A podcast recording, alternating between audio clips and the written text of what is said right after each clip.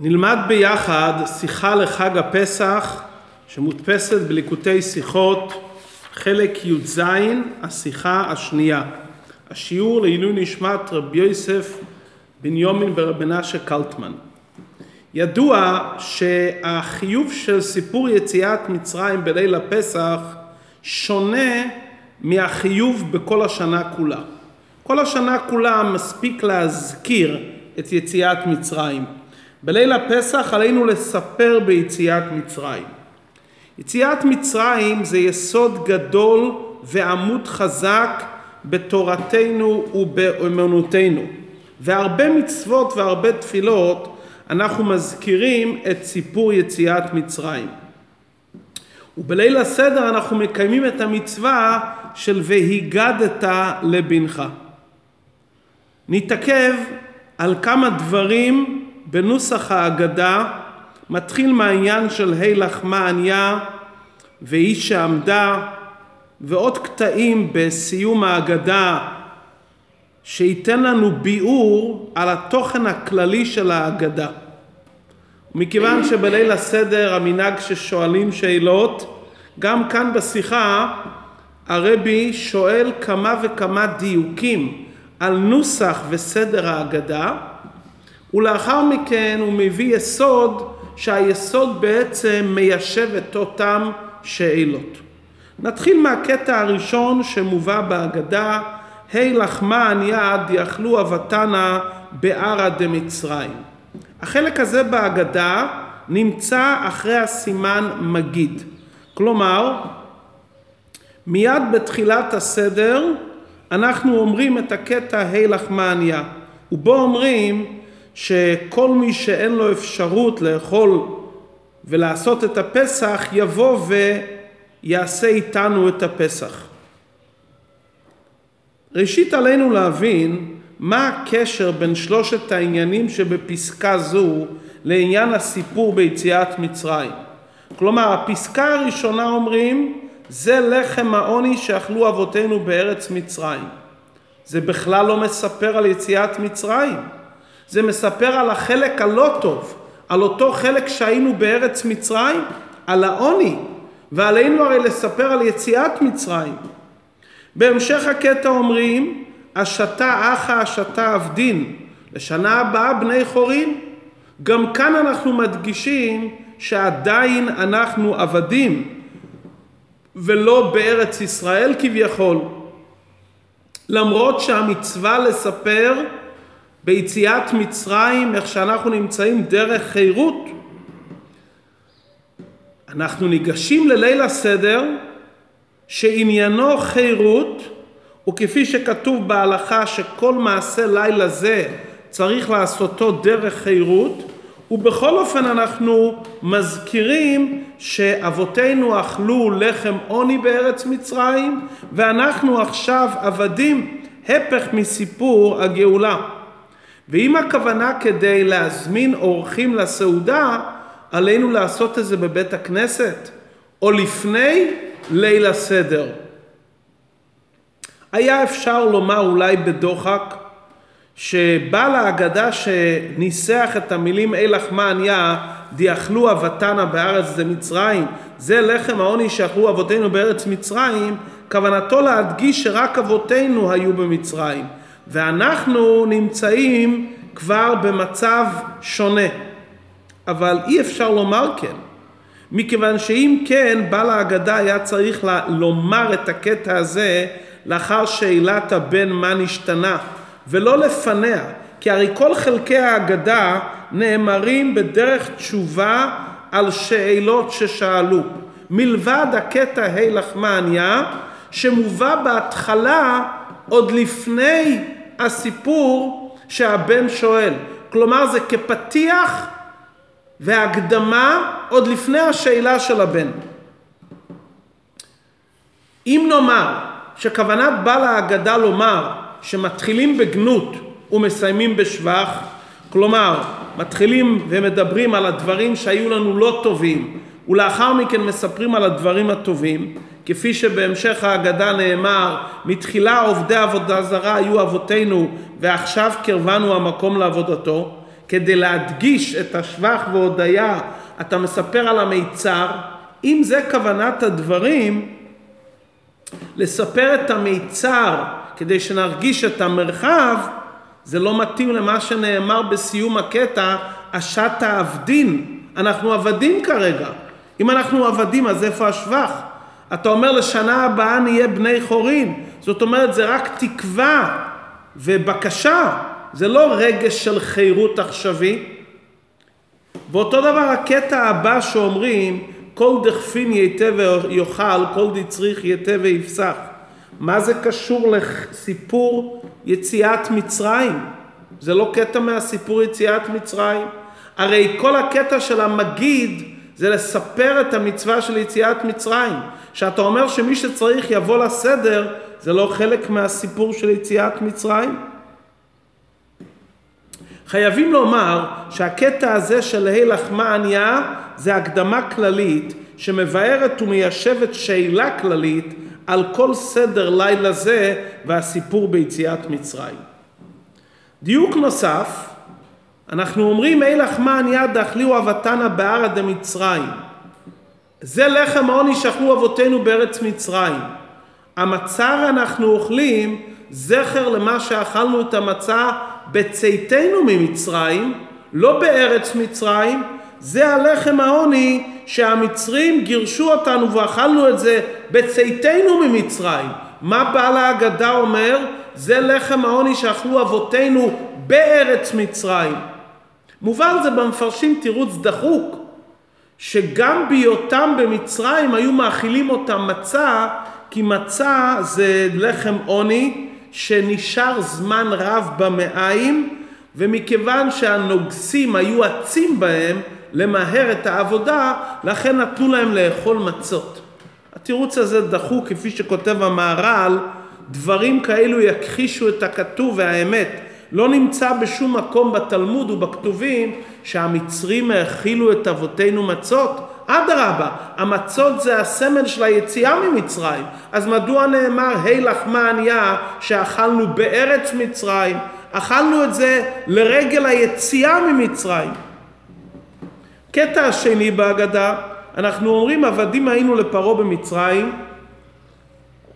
ויוציאנו השם אלוקינו משם ביד חזקה.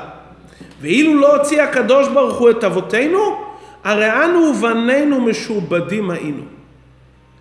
אם הקדוש ברוך הוא לא היה מוציא אותנו, היינו משועבדים? רגע, ירדנו למצרים בהמשך לברית בין הבתרים. שאז הקדוש ברוך הוא אמר שהגלות תהיה רק 400 שנה. מלידת יצחק וכדומה, אבל רק 400 שנה. אז מה הכוונה שאם השם לא היה מוציא אותנו היינו נשארים משועבדים? הרי הקדוש ברוך הוא לכתחילה הבטיח שהגלות תהיה זמן מוגבל. אנחנו בעצם הרי לא עבדים, בעצם אנחנו הרי בני חורין. הגענו למצרים בעקבות ברית בין הבתרים. אז מה הפירוש שאם לא היינו יוצאים היינו נשארים? הרי הקדוש ברוך הוא הבטיח שהגלות זה לזמן קבוע, לזמן מסוים, 400 שנה, ודור רביעי ישובו הנה. אז איך אנחנו אומרים שאילו לא הוציא הקדוש ברוך הוא, היינו אנו ובני בנינו משועבדים? שההבטחה הייתה מפורשת, דור רביעי ישובו הנה. עוד קטע בהגדה, אנחנו אומרים, מתחילה עובדי עבודה זרה היו אבותינו, ועכשיו קרבנו המקום לעבודתו. מה הכוונה קרבנו המקום לעבודתו?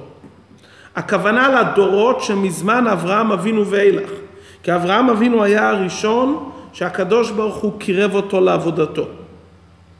איך היה צריך לומר? ועכשיו קרבנו המקום, או ואחר כך קרבנו המקום? הרי אנחנו מדברים, מתחילה היו עובדי עבודה זרה, הכוונה לומר עד לזמן של תרח. ואחר כך מיד אברהם אבינו זכה שהשם קירב אותו. מדוע אנחנו אומרים עכשיו? מה הכוונה עכשיו? אם הכוונה לעת יציאת מצרים, הרי הקירוב שהשם קירב אותנו לא היה בעת יציאת מצרים, השם קירב את אברהם אבינו מאות בשנים לפני יציאת מצרים. כנאמר בהגדה, ואקח את אביכם, אברהם, מעבר הנהר. ומדוע אומרים ועכשיו כביכול שהכוונה עכשיו ממש. נקודה שנייה, תוכן ההגדה זה לספר ביציאת מצרים את הניסים והנפלאות שנעשו לנו בחירותנו. כל הסיפור של מתחילה עובדי עבודה זרה לא קשור לסיפור יציאת מצרים. למה אומרים את זה? כדי להתחיל בגנות ולהמשיך בשבח. אם כך, מה נוגע להדגיש שהקדוש ברוך הוא קירב אותנו לעבודתו? היה לכאורה צריך לומר, בתחילה היינו עובדי עבודה זרה, ועכשיו זכינו להיות קרובים ודבוקים בהשם ובעבודתו. מדוע מדגישים שהקדוש ברוך הוא קירב אותנו? יש פה איזו הדגשה מיוחדת, וכל זה קשור לכל הדורות כולם, כי במובן עכשיו, הכוונה לומר עכשיו ממש. קטע נוסף בהגדה, והיא שעמדה. היא שעמדה לאבותינו, שבכל דור ודור עומדים עלינו לכלותנו. הקדוש ברוך הוא מצילנו מידם. גם כאן צריך להבין, מה החידוש שהקדוש ברוך הוא מציל אותנו מידם? הרי אותם אלו שרודפים אותנו הם רשעים וזידים. למה יעלה על הדעת שמלכתחילה יוכלו חס ושלום לכלות את עם ישראל? עד שצריכים לתת שבח והודיה על זה שהשם מצילנו מידם? הרי כל העולם נברא בשביל עם ישראל. תכלית כל המציאות זה לסייע לעם ישראל. וזה שאומות העולם לא יודעים מזה זה לא משנה. כי זה רק כדי שיהיה בחירה חופשית, כדי לתת אפשרות לעבודה של איתקפיה ואיתפחה. אבל כל העולם כולו נברא בשביל עם ישראל. אז זה שהשם מציל אותנו מאלו שעומדים עלינו לכלותנו, זה עניין מוכרח. כי כל העולם נברא בשביל עם ישראל, ואי אפשר באופן אחר. אז מה השבח וההודיה? הרי כל העולם לכתחילה נברא בשבילנו. שאלה נוספת, אנחנו אומרים שבכל דור ודור עומדים עלינו. אם בכל דור ודור עומדים עלינו, מה זה קשור לסיפור יציאת מצרים? מדוע אומרים את זה רק בנוסח ההגדה? למה לא אומרים את זה בפורים וכדומה? ובעצם פורים היה גזרה עוד יותר קשה מאשר פרעה. פרעה גזר רק על הזכרים. פורים היה על כל עם ישראל ביום אחד. אז אם אנחנו רוצים לדבר על זה שבכל דור ודור עומדים עלינו לכלותנו, עלינו לומר את זה בכל פעם שיש נס לעם ישראל, לומר את הנוסח הזה. מדוע אנחנו אומרים את זה דווקא בליל הסדר? קטע נוסף ואחרון, אנחנו אומרים, אילו לא היה ככה, דיינו. אילו ככה ולא נתן לנו את זה, דיינו. ומסיימים בסוף ואומרים, הוא בנה לנו את בית הבחירה לכפר על כל עוונותינו. נכנסנו לארץ ישראל, השם בנה לנו את בית הבחירה לכפר על כל העוונות. זה המעלה ה-14 בנוסח הפזמון של דיינו. אילו לא היה כך, דיינו.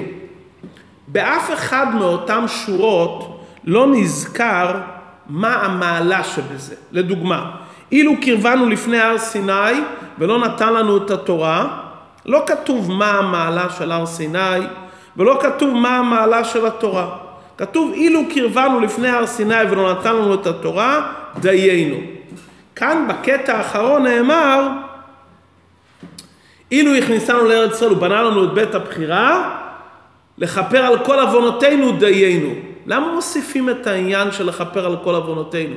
למה כאן בקטע האחרון מסבירים ומנמקים מה המעלה של בית הבחירה? מדוע לא מנמקים בכל אחד מאותם מעלות? ובאמת מפרשי ההגדה מסבירים באריכות את המעלה של כל אחד מאותם דיינו. אבל כאן בקטע האחרון אנחנו מוסיפים, בנה לנו את בית הבחירה לכפר על כל עוונותינו. שאלה נוספת, זה המעלה של בית הבחירה? עיקר המעלה של בית הבחירה זה הרי השראת השכינה. זה עיקר העניין. עשרה ניסים נעשו לאבותינו בבית המקדש. בעל ההגדה אומר, מה המעלה שבנה לנו את בית הבחירה לכפר על כל עוונותינו? זה המעלה של בית המקדש? הרי יש כאלו שאינם זקוקים לכפרה, האם הם לא צריכים את בית המקדש? הרי עיקר העניין של בית המקדש לכאורה זה בית להשראת השכינה. מדוע מזכירים את העניין שהוא לכאורה דבר נוסף על עיקר בית המקדש, שעניינו העיקרי זה מקום להשראת השכינה, מוסיפים שעיקר המקדש לכפר על עוונותינו? ועוד דיוק מדוע בית המקדש נקרא כאן בשם בית הבחירה. מדוע זה לא נקרא בשם בית המקדש? ובכלל, מה המעלה הזאת של בניית בית הבחירה לכפר על עוונותינו קשורה עם יציאת מצרים וסיפור יציאת מצרים? אם מספרים את הכניסה לארץ ישראל זה מובן, כי הכניסה לארץ ישראל זה סיום היציאה ממצרים. אבל מדוע העניין של בניין בית הבחירה בירושלים, שלכאורה לא קשור עם עניין הגאולה, מדוע הוא קשור עם יציאת מצרים? עד כאן השאלות שהרבי שואל בנוסח ההגדה. כדי לבאר את כל זה, מקדים הרבה שיש כאן שאלה עיקרית שמתעוררת אצל הילד בליל הסדר. סעיף ט' של השיחה. כשאנחנו מסייבים על שולחן הסדר וצריכים להתחיל באמירת ההגדה, עוד לפני שהילד שואל את השאלות ומקיימים את המצווה ש"והגדת לבנך", יש לילד שאלות שמתעוררות אצלו. עוד לפני שהוא שמע עבדים היינו, שאלות שהן מטרידות אותו מאוד. לדוגמה, שאלה ראשונה שואל הילד, מדוע הגאולה של יציאת מצרים לא הייתה גאולת עולם, גאולה נצחית? ניחא אם הגאולה הייתה על ידי בשר ודם, אדם מוגבל, נתון לשינויים, ממילא גם הגאולה היא גאולה מוגבלת. אבל הגאולה הרי מגיעה מהשם אלוקים אמת, שכל הפעולות שלו הן אמיתיות ונצחיות. איך ייתכן שהגאולה ממצרים לא הייתה גאולה נצחית? איך ייתכן שעדיין אנחנו שרויים בגלות? וגלות כל כך קשה ומרה, שבכל דור ודור עומדים עלינו לכלותנו. הילד שואל את זה בתוך עצמו, אומר, רגע, השם גאל אותנו פעם ראשונה, בחר בנו לעם, למה זה לא גאולה נצחית? איך יכול להיות שעדיין אנחנו נרדפים בכל דור ודור? שאלה נוספת שהילד שואל, השם הבטיח לנו ביציאת מצרים ואחרי כן יצאו ברכוש גדול. איך ייתכן שיש בשולחן הסדר עניים? כל דכפין ייתה ויכול. הוא רואה שמזמינים עניים והוא רואה שיש עניים. מה עם כל הרכוש גדול שהבטיחו לנו? איך אחרי רכוש גדול שהובטח לנו וקיבלנו, יש בעם ישראל עניים? שאלה נוספת הילד שואל, והגדת לבנך, זה כנגד ארבעה בנים דיברה תורה. חכם, תם שאינו יודע לשאול, וגם הרשע שיושב ליד החכם. שואל הילד, הרי ידוע שהרשעים באותו דור לא נגאלו ממצרים. הם מתו בשלושת ימי ההפעלה, אפלה. מאחר שבין בני ישראל שיצאו ממצרים לא היו רשעים, מניין מופיע פתאום איזה רשע בליל הסדר? הרי כל הרשעים כבר מתו. איך יש פתאום היום ילדים שהם רשעים? והשאלות הללו מטרידות את הילד ומפריעות לו לכל תוכן הסדר. אומרים לו שהוא צריך לראות את עצמו כאילו הוא עכשיו יוצא משעבוד מצרים והוא צריך להכין את המקום של הסדר דרך חירות כמו שהמלאכים הגדולים והתורה היא תורת אמת אומרת לו שיחוש רגש של חירות אמיתית. כאילו עכשיו הוא יוצא משעבוד מצרים אומר איך אני ארגיש עכשיו שאני יוצא משעבוד מצרים? בשעה שכרגע אנחנו נמצאים בגלות ובכל דור ודור עומדים עלינו לכלותנו ויש בעם ישראל עניים בפשטות ועניים בדעת ויש רשעים כפשוטו. שואל הילד איך אני יכול להרגיש דרך חירות אתה דורש ממני לעשות ליל הסדר דרך חירות איך? אני רואה כל מה שקורה איך אני יכול להרגיש את הרגשת החירות? וכדי לבטל את הבלבול והקושיות האלו שיש לילד מקדימים את הפסקה אילך מניה שהיא בעצם הקדמה שמבארת מה המשמעות של סיפור יציאת מצרים. ואנחנו אומרים כך: המצה שאכלו אבותינו לאחר יציאת מצרים נקראת בהגדה דאכלו אבותנה בערא דמצרים. אכלו אבותינו בארץ מצרים. מלבד זה שגם אכלו כפשוטו בארץ מצרים מצה יחד עם קורבן פסח. להדגיש שאופן היציאה ממצרים לא היה בשלימות, ובני ישראל מצד עצמם, גם לאחר יציאת מצרים, כביכול נשארו במצרים. ולכן בעל ההגדה אומר כל דכפין כל דצריך. מכיוון שהגאולה לא הייתה גאולה שלמה, יש בינינו עניים ואנחנו נמצאים במצב של עבדות, כי אבותינו עדיין בארץ מצרים. בני ישראל של אותו דור לא יצאו לגמרי משעבוד מצרים. מתעוררת השאלה, אז למה אני עושה סדר דרך חירות אם עדיין עוד לא יצאנו ממצרים? לכן בא להגדה ואומר, השעתה אחא, נכון עכשיו אנחנו עדיין בעבדות, אבל לשנה הבאה בארד ישראל. השעתה עבדין, אבל לשנה הבאה בני חורין. גאולת מצרים פתחה את הדרך והצינור לגאולה שתוביל לגאולה השלמה. אנחנו חוגגים עכשיו את פתיחת הצינור ובכל שנה אנחנו מעצימים את היציאה ממצרים עד שנזכה לגמרי להיות בני חורין. ולכן אפשר גם הלילה לקיים את הסיפור של יציאת מצרים ולהראות את עצמנו כאילו אנחנו יוצאים עכשיו משעבוד מצרים כי הסיפור ביציאת מצרים והחוויה כאילו אתה עכשיו יוצא זה מוציא אותנו מעוד שלב של מצרים ומביא אותנו יותר קרוב להיות בני חורין. כי כל הזמנים מאז יציאת מצרים ועד הגאולה העתידה זה בעצם המשך אחד של יציאת מצרים. והנקודה הזאת שאומרים בתחילת המגיד, עוד לפני שאלת הבן, זה נקודה שבאה להסיר את כל השאלות. אנחנו מדגישים שסיפור יציאת מצרים התחיל הלילה וממשיך הלאה. ידועים דברי חכמינו שהקדוש ברוך הוא אמר לאברהם אבינו מה אתה מבקש עבור בניך? גיהינום או גלות? ואברהם אבינו בחר בגלות במקום הגיהינום.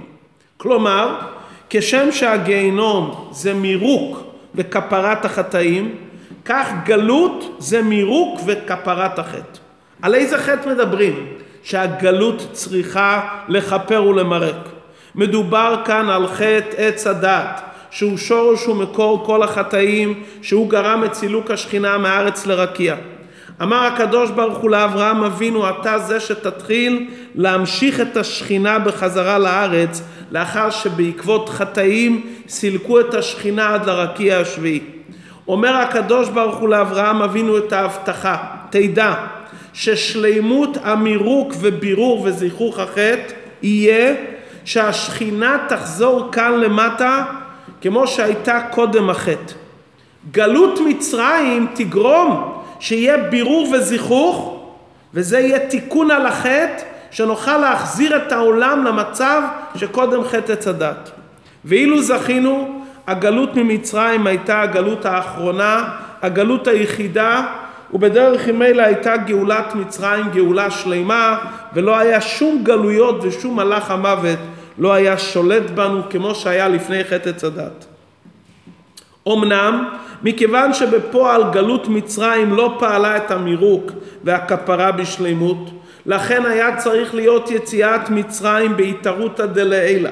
כפי שאומרים בהגדה ויוציאנו השם אלוקינו משם ביד חזקה למרות שמידת הדין באה וטענה שעם ישראל לא ראויים או לא מוכנים לגאולה כי המכוון והמטרה של גלות ושעבוד מצרים היה לפעול בירור וזיכוך בבני ישראל והעולם ולהביא את העולם למצב כמו קודם חטא עץ הדת ועדיין לא נתמלא הבירור והזיכוך אומר הקדוש ברוך הוא אני מוציא אתכם ממצרים למרות שמידת הדין מתלוננת ובצדק שעדיין לא ביררתם וזיככתם את הכל בתכלית. ולכן אומרים ויוציאנו השם אלוקינו ביד חזקה. מצד המצב של בני ישראל הם לא היו ראויים במאה אחוז. הרי הם היו שקועים במ"ט שערים רחמנא ליצלן ואם היו נשארים עוד רגע יכלו להיות שקועים לגמרי. וכמו שלמדנו בתניא כי ברח העם הרע בנפשות עם ישראל היה בתוקפו.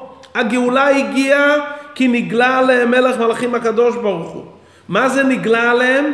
השם התגלה ונגע בנקודת היהדות של היהודי, שבאותו רגע הם לא יכלו לשגות בשקר של הרוח שטות שמכסה על האמת.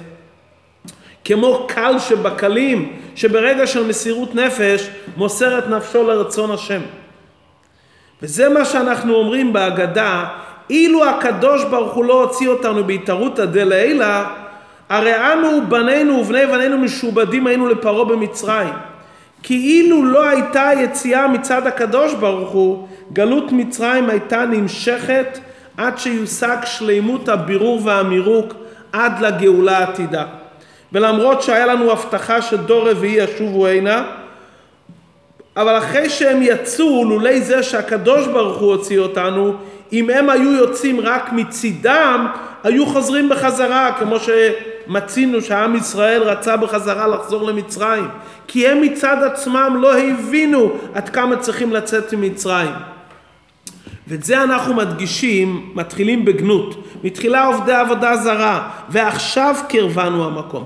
גם עכשיו מה שאנחנו מתקרבים להשם זה לא מצידנו. הקדוש ברוך הוא בהתערותא דלילה מקרב אותנו עכשיו.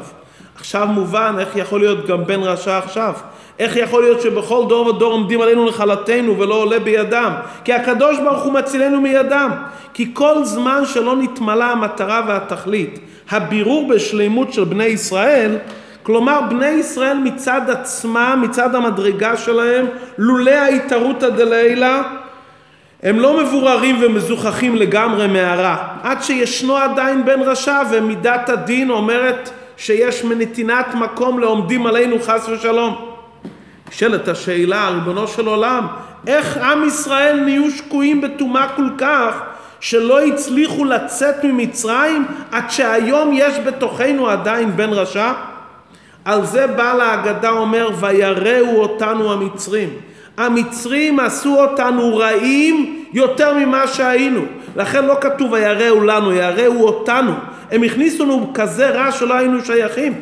ולכן נהיה בנו יותר רע שהרע הזה עדיין לא נגמר להתברר לולא ההתערותא דלעילא. נשאלת השאלה אז על מה אנחנו חוגגים? אם עדיין אנחנו בגלות וגלות מצרים לא פעלה את הבירור של עם ישראל אז מה המעלה של יציאת מצרים? מה אנחנו חוגגים את סיפור יציאת מצרים? על זה אנחנו מסיימים ואומרים הוא בנה לנו את בית הבחירה לכפר על כל עוונותינו. מה זה בחירה? בחירה הכוונה לומר שבוחרים בבחירה חופשית. רק הקדוש ברוך הוא יכול לבחור בבחירה חופשית אמיתית. לגביו שום מציאות לא תופסת מקום. למרות שמצד אחד מצידו כולם שווים, הקדוש ברוך הוא בחר דווקא בנו. למה? כי עם ישראל והקדוש ברוך הוא זה מציאות אחת. והגילוי של הבחירה הזאת הייתה שבתחילה היה נראה שעשיו ויעקב אחים. ובכל אופן הקדוש ברוך הוא אוהב רק את עם ישראל. זה גלות ויציאת מצרים. בחיצוניות שאנחנו שווים, מידת הדין באה ואומרת הם לא ראויים. ואם הם יישארו עוד רגע חס ושלום יכולים להישאר ב- בתוך מצרים. אבל בפנימיות ובאמת שורש של עם ישראל בעצמותו יתברך. השם בחר בנו כי אנחנו עצם אחד איתו, ולהחליפם באומה אחרת אי אפשר. איני יכול. לכן מדגישים בית הבחירה. השם בחר בנו ומצד הבחירה בכל מצב הוא יגאל אותנו. ומצד הבחירה לכפר על כל עוונותינו.